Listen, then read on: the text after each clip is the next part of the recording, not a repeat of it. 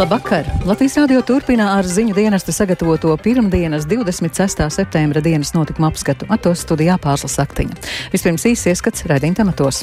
Sākas 14. saimnes vēlēšanu balsu nodošana glabāšanā. Šī iespēja ir paredzēta tikai tiem vēlētājiem, kur tiešām kādu pamatotu iemeslu dēļ vēlēšanu dienā nevarēs nokļūt vēlēšanu iecirkņos.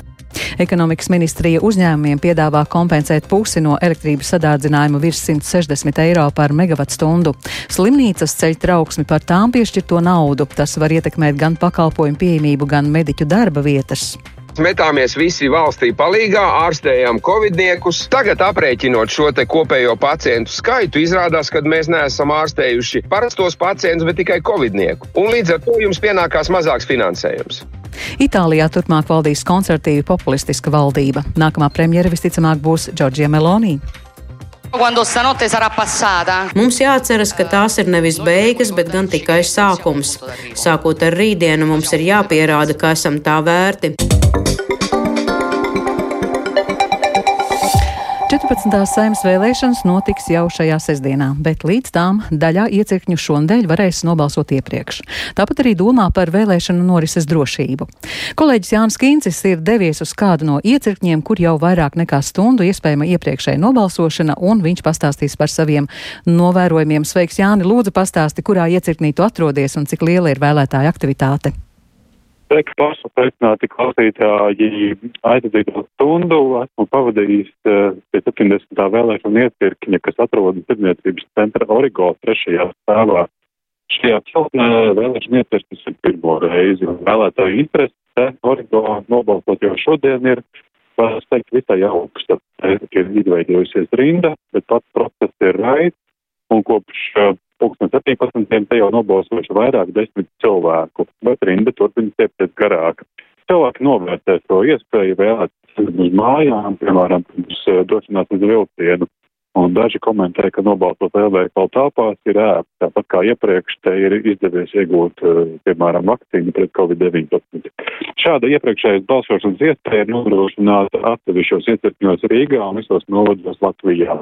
Vēlēšanās piedalīties pilngadīgi Latvijas pilsoņi, eh, balsošanai ir nepieciešama pasta vai ID karte un ņemot vērā pandēmijas laika radītās grūtības dokumentu sagatavošanā, šoreiz vēlēšanās drīkst piedalīties arī ar personas dokumentu, kam uh, ir beidzies lietot derīguma termiņš laikā pēc 2020. gada 1. marta.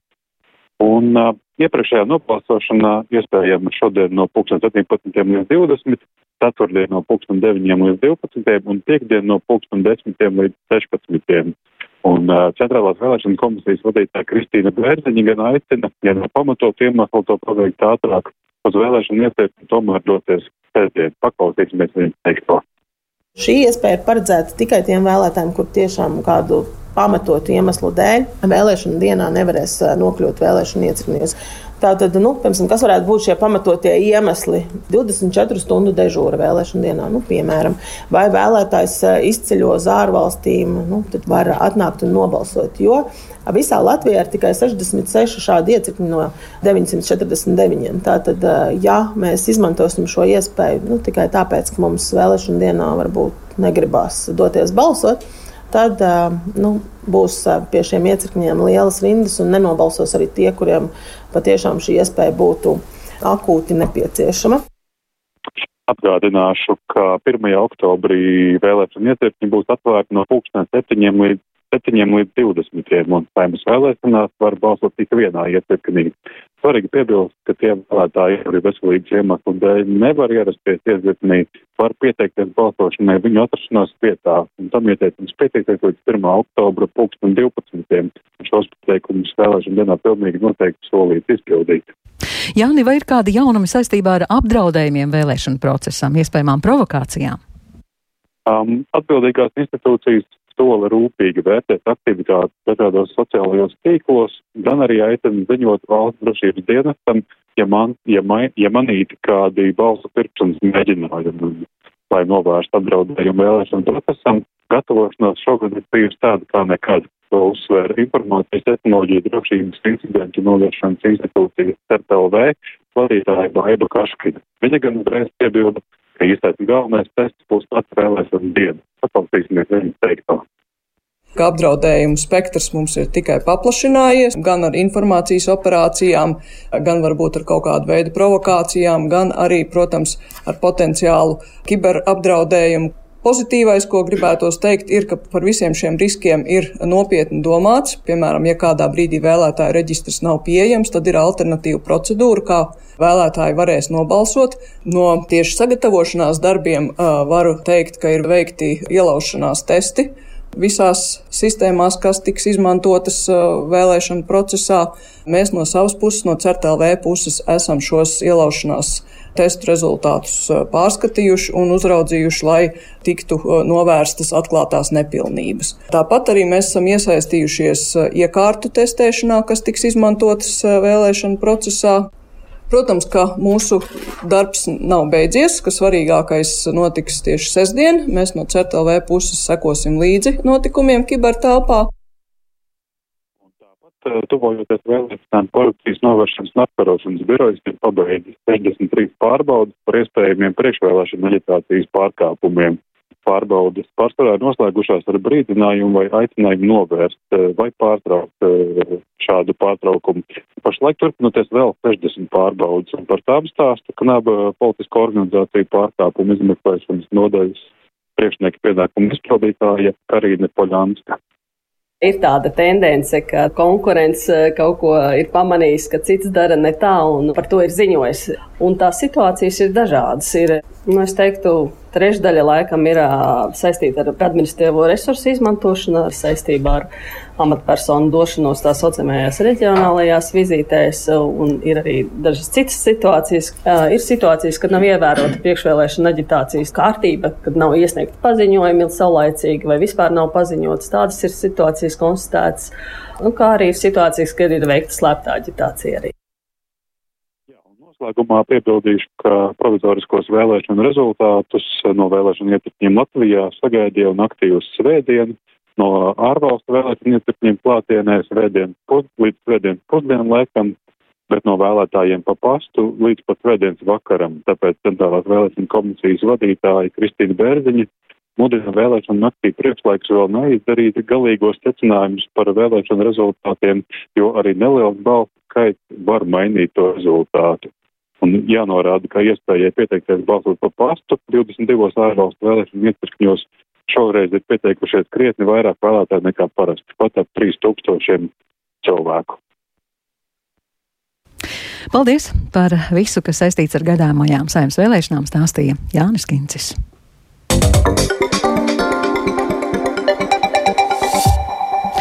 Koalīcija ir atbalstījusi papildu energo atbalstu iedzīvotājiem un uzņēmiem vēl 425 miljonu eiro apmērā.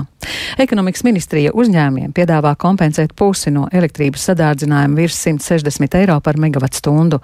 Tas attiektos uz visiem uzņēmiem no oktobra līdz aprīļa beigām ieskaitot. Šo piedāvājumu ministrija rīt iesniegs izskatīšanai valdībā.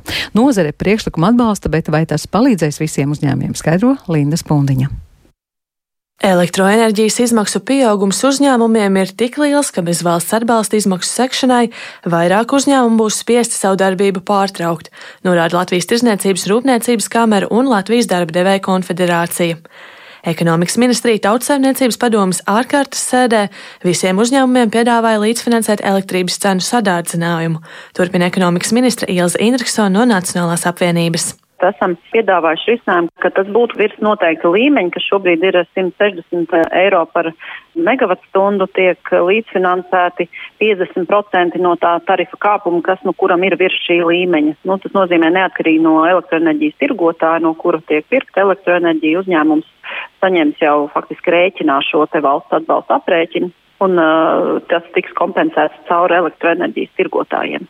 Atbalsts paredzēts no 1. oktobra līdz aprīļa beigām ieskaitot, taču tam vēl nepieciešams valdības atbalsts, ko Indriksons cer sagaidīt rīt.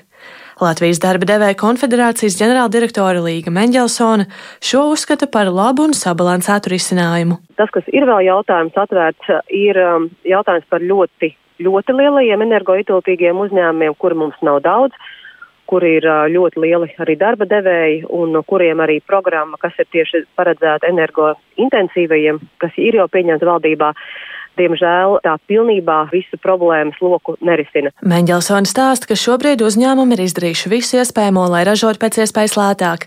Kā pēdējo, ļaunāko scenāriju, darba spēka samazināšanu cer nepieļaut, tāpēc nozara gaida valdības atbalstu. Kā mēs eh, ļoti pozitīvi attiecībā uz eh, šo priekšlikumu raugāmies un nu, tiešām ceram, ka šodienas um, sadarbības sanāksmē uh, koalīcija veidojušās partijas nu, arī viņu apstiprinās konceptuāli un rītā valdības sēdē, lai jau ar 1. oktobri atbalsts varētu stāties spēkā, jo šeit ir ļoti svarīga arī dinamika. Tā, tā problēma jau ir, ir šodien un lēmumu pieņemšana nu, nevajadzētu atlikt, protams.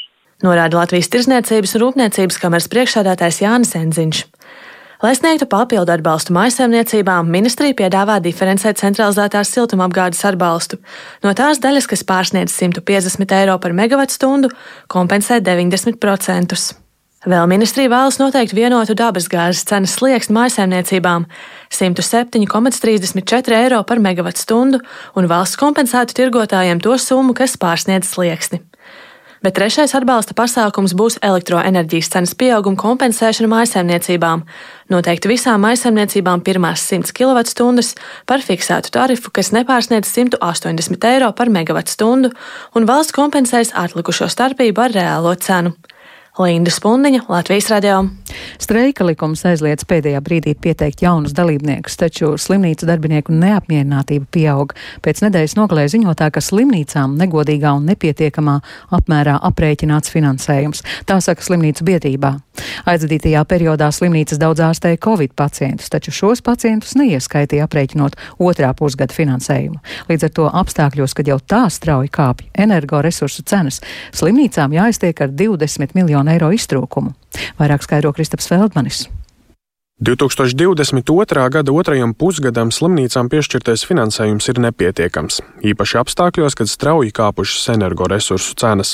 Latvijas slimnīcu biedrības vadītājs Jevgeņijs Kalējs, skaidrojot radušos situāciju, norāda, slimnīcu finansējumu otrajam pusgadam balsta tajā, cik pacientu aprūpēts iepriekšējā posmā. Proti pirmajā pusgadā, taču šajā skaitā nav ņemti vērā Covid pacienti. Līdz ar to radusies situācija, ka aizvadītajā periodā slimnīcas atsaucoties atbildības atbildīgās veselības ministrijas aicinājumam darbus pārorientējušas, ārstējušas covid slimniekus, kuri aizņēmuši gultas, kurās citkārt atradušies pacienti ar citām slimībām, bet aprēķinot finansējumu, tā teikt uz papīra, pacientu skaits lielākajā daļā slimnīcu, līdz ar to arī finansējums ir krietni zemāks. Sakarā ar Covidu mēs metāmies visi valstī palīgā, ārstējām covidniekus, pārtaisījām visas nodaļas - ķirurģiju, terapiju, kardioloģiju, traumatoloģiju. Jūs taču atceraties, slēdza pat uh, otrās slimnīcas pakalpojums, visu otro slimnīcu uztaisīja uz divām nedēļām par covid slimnīcu. Un līdz ar to mēs neārstējām parastos pacientus, jo tas bija aizliegts ar likumu. Un tagad aprēķinot šo te kopējo pacientu skaitu, izrādās, ka mēs neesam ārstējuši parastos pacientus, bet tikai covidnieku. Un līdz ar to jums pienākās mazāks finansējums. Galais skaidro, slimnīcas pildot likumu ārstēja Covid pacientus, bet šobrīd par to tiek sodītas. Citās slimnīcās iztrūkums esot mazāks, piemēram, Jūrmalā un Ogrē, bet citviet ļoti iespaidīgs. Piemēram, no kopumā 20 iztrūkstošajiem miljoniem apmēram 9 ir tieši Austrum slimnīcai neizmaksātā nauda. Galu galā šāda, kalēja prāt, negodīga rīcība atsauksies uz pacientiem, jo naudas visiem pakalpojumiem var nepietikt. Tāpat cietīs arī mediķi. No šī finansējuma, kas ir atņemts, jāmaksā jau ir algas darbiniekiem. Līdz ar to, ka vai nu mums ir jālaiž brīvsolī atvaļinājumos bez algas, vai jāatbrīvo darbinieki, jo mums tas apjoms ir diezgan būtiski samazinājies. Kalais ir pārliecināts, ka šādi lēmumi mediķu streika priekšvakarā tikai vairo neapmierinātību ārstniecības personāla vidū. Tiesa gan streika likums aizliedz tik īsi pirms tā sākuma pieteikties jauniem streikotājiem, bet dusmas krājas. Latvijas Veselības un sociālās aprūpes darbinieku arotbiedrības vadītājs Valdis Keris atgādina, mediķu brīdinājums streiks notiks 27. un 28. septembrī.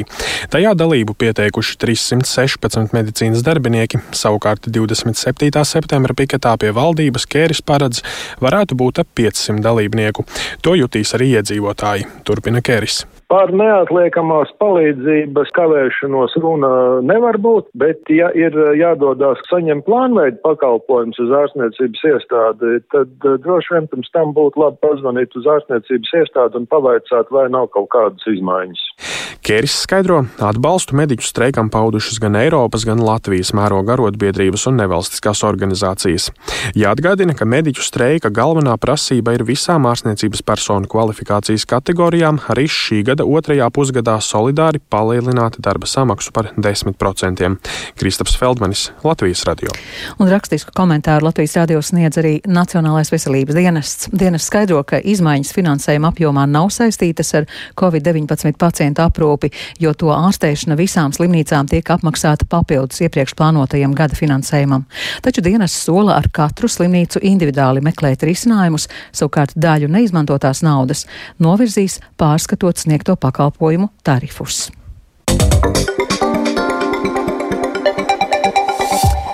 Sesdien dramatiski notikumi ir izcinājušies Liepājā, kur Liepājas valsts tehnikuma pirmā kursa audzēkne, nepilngadīga persona ārpus mācību iestādes telpām mākslas studijā, kas atrodas pilsētas centrā, sadūrusi vienu no tehnikuma pedagoģiem.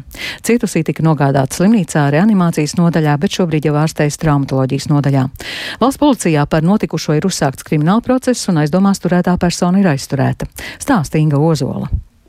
Neko tādu neesam piedzīvojuši, un notikušais ir šokējis visus. Par to Latvijas radio stāsta Liepājas valsts tehnikuma direktors Agris Ruperts, kurš šorīt sazinājies ar cietušo skolotāju. Viņš stāsta, kas noticis aizvadītajās brīvdienās ārpus skolas telpām. Pie mūsu skolas skolotājas ieradusies šajā darbnīcā, salonā, kā mēs viņu varam nosaukt, studijā. Viņas audzināmās grupas audzēkļa un ir izdarījusi vairākus nažu dūrienus. Tad kopumā astoņi nažu dūrieni ir bijuši šai savai grupas audzinātājai. Motīvi šādai rīcībai ir neskaidri, un skolas direktors uzsver, ka tie šobrīd ir tikai minējumi, taču meitene kavējusi skolu. Pēc 9. klases beigšanas iestājusies tehnikumā, lai apgūtu tērpu izgatavošanas un stila specialitāti. Uzsākot mācības tehnikumā, meitenei ir bijusi medicīniska izziņa par kādu hronisku saslimšanu, bet nav norādīts, kas tieši skaidro direktors. Ja viņai uz doto brīdi jau ir 33 neataisnot kavējumi, tad praktiski tā jau ir vesela nedēļa. Tad praktiski viņa skolā nav bijusi. Es pieļauju, ka skolotāja ir zvanījusi un interesējusies, kāda tad ir iemesli šai neapmeklētībai. Ja? Nu, varbūt tas ir izraisījis šo reakciju. Jo, nu, tur droši vien kad ir kaut kādas problēmas šai meitenei, par kurām mēs, protams, neesam neinformēti, nedz arī zinām un nedz arī varam spriest. Skolas direktors atklāja, ka meitene ir atstādināta no dalības mācībās līdz apstākļu noskaidrošanai. Valsts policijas kurzemes reģiona pārvaldes liepās iecirkņu priekšnieks Ingus Ukstīņš stāsta, ka aizdomās turamā persona ir aizturēta un notiek lietas apstākļu noskaidrošana. Šobrīd policijā ir uzsākts krimināla process pēc krimināla likuma 128. panta pirmās daļas. Tas ir pat tīšu vidēju smagu miesas bojājumu nodarīšana, bet cietušai personai ir nozīmēta tiesas medicīnas ekspertīze. Kā rezultātā mēs precizēsim un noskaidrosim šo miesas bojājumu smagumu pakāpi. Un notiek pirmstais izmeklēšana. Izmeklēšanas ietvaros skaidrojam visus apstākļus, motīvus. Šobrīd izmeklēšanas interesēs nekāda vairāk sīkāka informācija nav sniedzama. Tikmēr tehnikumā sociālais darbinieks un pedagoģi ar psihologu izglītību ir veikuši sarunas ar grupas jauniešiem, kurā mācījusies aizturētā nepilngadīgā persona. Tehnikums sazinājies arī ar jauniešu krīzes centru Rīgā, lai konkrēto notikumu jau šonadēļ apspriestu ar jauniešiem klātienē. Ingozola Latvijas radio kurzemē. Itālijā turpmāk valdīs konservatīvi populistiska valdība. Tā liecina jaunākie parlamentu vēlēšanu rezultāti. Līdz ar to par nākamo premjeri visticamāk kļūs partijas Itālijas brāļu vadītāja Džordžija Meloni, kas būs pirmā sieviete šajā amatā Itālijas vēsturē. Tā būs arī pirmā reize kopš otrā pasaules kara, kad pie varas Itālijā nāks galēji labēji spēki. Par jaunāko stāsta mūsu Briseles korespondents Ārķems Konohaus. Vēlēšana rezultāti liek domāt, ka daudzi itāļi vēlas redzēt pārmaiņas savā valstī. Pirms balsojuma vairāki vēlētāji ir teikuši, ka citi politiķi jau ir mēģinājuši vadīt valsti, bet nekas labs no tā nav sanācis. Tādēļ tagad viņi vēlas dot iespēju Džordžijai Milonī un viņas vadītajai partijai Itālijas brāļi. Melonī vēlēšanu naktī sacīja, ka Itālija un Eiropa pašlaik atrodas sarežģītā situācijā. Tādēļ tagad ir laiks atbildīgiem lēmumiem. Quando stanotte sarà passata, quando questa notte sarà passata. Mums jāatceras, ka tās ir nevis beigas, bet gan tikai sākums. Sākot ar rītdienu, mums ir jāpierāda, ka esam tā vērti. Tagad ir laiks atbildīgiem lēmumiem. Ja vēlamies ieiet vēsturē, mums ir jāapzinās, kāda atbildība uz mums gūstas desmitiem miljonu iedzīvotāju priekšā. Itālija ir izvēlējusies mūs, un mēs to nenodosim. Gluži tāpat kā nekad iepriekš neesam nodevuši. Come non l'abbiamo tradita mai. Kopā ar Meloni jaunajā koalīcijā varētu būt galēji labējā partija Līga, ko vada Mateo Salvini, un kādreizējā premjerministra Silvija Berlusconi partija Forza Itālijā. Politikas vērotāji jau tagad paredz, ka starp trīs partijām varētu ātri izcelties strīdi un politiskā greizsirdība. Savukārt par lielāko opozīcijas spēku kļūs pieredzējusi Demokrātiskā partija. Tās vadītājs, bijušais premjerministrs Enrico Letta, paziņoja, ka drīzumā pametīs partijas vadītāja amatu. Il Partito Democratico non permetterà che l'Italia esca dal cuore dell'Europa. Demokrātiskā partija neļaus Itālijai pamest Eiropas sirdi. Itālija vienmēr ir pamatoti bijusi par daļu no Eiropas. Tādai tai ir jāpaliek, un tāda tā vienmēr būs. Mēs neļausim Itālijai aizmirst par Eiropas vērtībām, un vēl jau vairāk neļausim tai aizmirst par vērtībām, kas ir rakstītas tās konstitūcijā, jo šīs dziļi iesakņotās vērtības vienmēr ir vadījušas mūsu valsti. Par to, ka daudz Itālijas vēlētāji katru reizi meklē jaunu politisko varoni, liecina arī tas, ka Salvini vadītā līga ir saņēmusi uz pusi mazāk balsu nekā pirms četriem gadiem. Vēl 2019. gadā par šo partiju aptaujās bija gatavi balsot 40% itāļu, bet tagad balsas atdeva tikai 9%. Arī piecu zvaigžņu kustības panākumi ir krietni pieticīgāki nekā iepriekšējās vēlēšanās. Atgādināsim, ka tie bija divi spēki, kas izveidoja jaunu valdību pirms četriem gadiem. Visticamāk, Melonija to labi apzinās un būs gatava daudz ko darīt, lai paliktu pie varas. Viņa tiek raksturota kā praktisks cilvēks, kas ir gatavs kompromisiem, tostarp arī ar Briseli. Bet nevar arī izslēgt, ka nespējot vienoties par vienu vai otru jautājumu, viņa varētu atgriezties pie savas populistiskās retorikas. Būs arī interesanti redzēt, kādas attiecības Melonija veidos ar Ungāriju un Poliju. Abās valstīs valdošie politiskie spēki atrodas labās attiecībās ar viņu. Draudzība ar Budapeštu varētu apgrūtināt turpmāko Eiropas Savienības sankciju apstiprināšanu pret Krieviju. Arcījums Konakovs Latvijas Rādio Briselē. Kremlis atzinis, ka ir pieļautas kļūdas, mobilizējot rezervistus karadarbībai Ukrainā un paziņoja, ka nav pieņemts lēmums slēgt Krievijas robežas. Kā žurnālistiem sacīja Kremļa pārstāvis Dmitrijs Peskovs, esot gadījumi, kad mobilizācijas dekrēts esot pārkāpts un dažos reģionos gubernatori aktīvi strādājot, lai situāciju labotu. Jau ziņots, ka pārsvarā mobilizē austrumos dzīvojošos, kā arī cilvēkus, kuri neatbilst mobilizācijas dekrēta prasībām, piemēram, ir vecāki ar slimībām vai nekad nav dienējuši armijā. Stāsta Rihards Plūme. Atbildot uz žurnālistu jautājumiem, Kremļa runas vīrs Dmitrijs Peskovs sacīja, ka neskatoties uz baumām, lēmums par Krievijas ārējo robežu slēgšanu un karastāvokļu ieviešanu atsevišķos pierobežas reģionos nav pieņemts. Pie vairāku valstu robežām joprojām veidojas automašīnu rindas vīriešiem mēģinot pamest Krieviju. Somijas robežsardzes pārstāvis Merts Sasjoglu pirmdien norādījis, ka pēc daļējas mobilizācijas izsludināšanas Krievijā Somija piedzīvojusi šogad noslogotāko nedēļas nogali uz valsts austrumu robežas. Nedēļas nogalē Somijā ieradušies teju 17 tūkstoši Krievijas pilsoņu. Pasaules ekonomika Krievijas izraisītā kara Ukrainā seku dēļ nākamgad cietīs lielāku triecienu nekā iepriekš prognozēts, tā paziņo ekonomikas sadarbības un attīstības organizācija. Tā prognozē, ka globālā ekonomika pieaugs par 2,2%, nevis 2,8% kā lēsts jūnijā. Organizācija norāda, ka Ukrainas karš sāsinājusi inflācijas uh, radīto spiedienu brīdī, kad dzīves dārdzība jau tā strauji palielinās. Tikmēr koronavīrusa uzliesmojumi joprojām negatīvi ietekmē globālo ekonomiku, bet izaugsmi ietekmē arī procentu likmu palielināšanās centrālajām bankām, cenšoties samazināt inflāciju.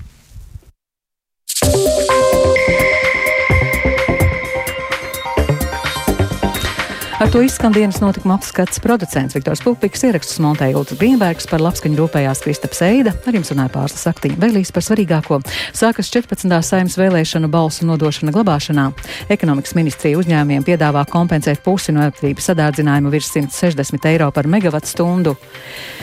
Itālijā turpmāk valdīs konservatīva populistiska valdība. Nākamā premjere visticamāk būs Džordžija Melonija.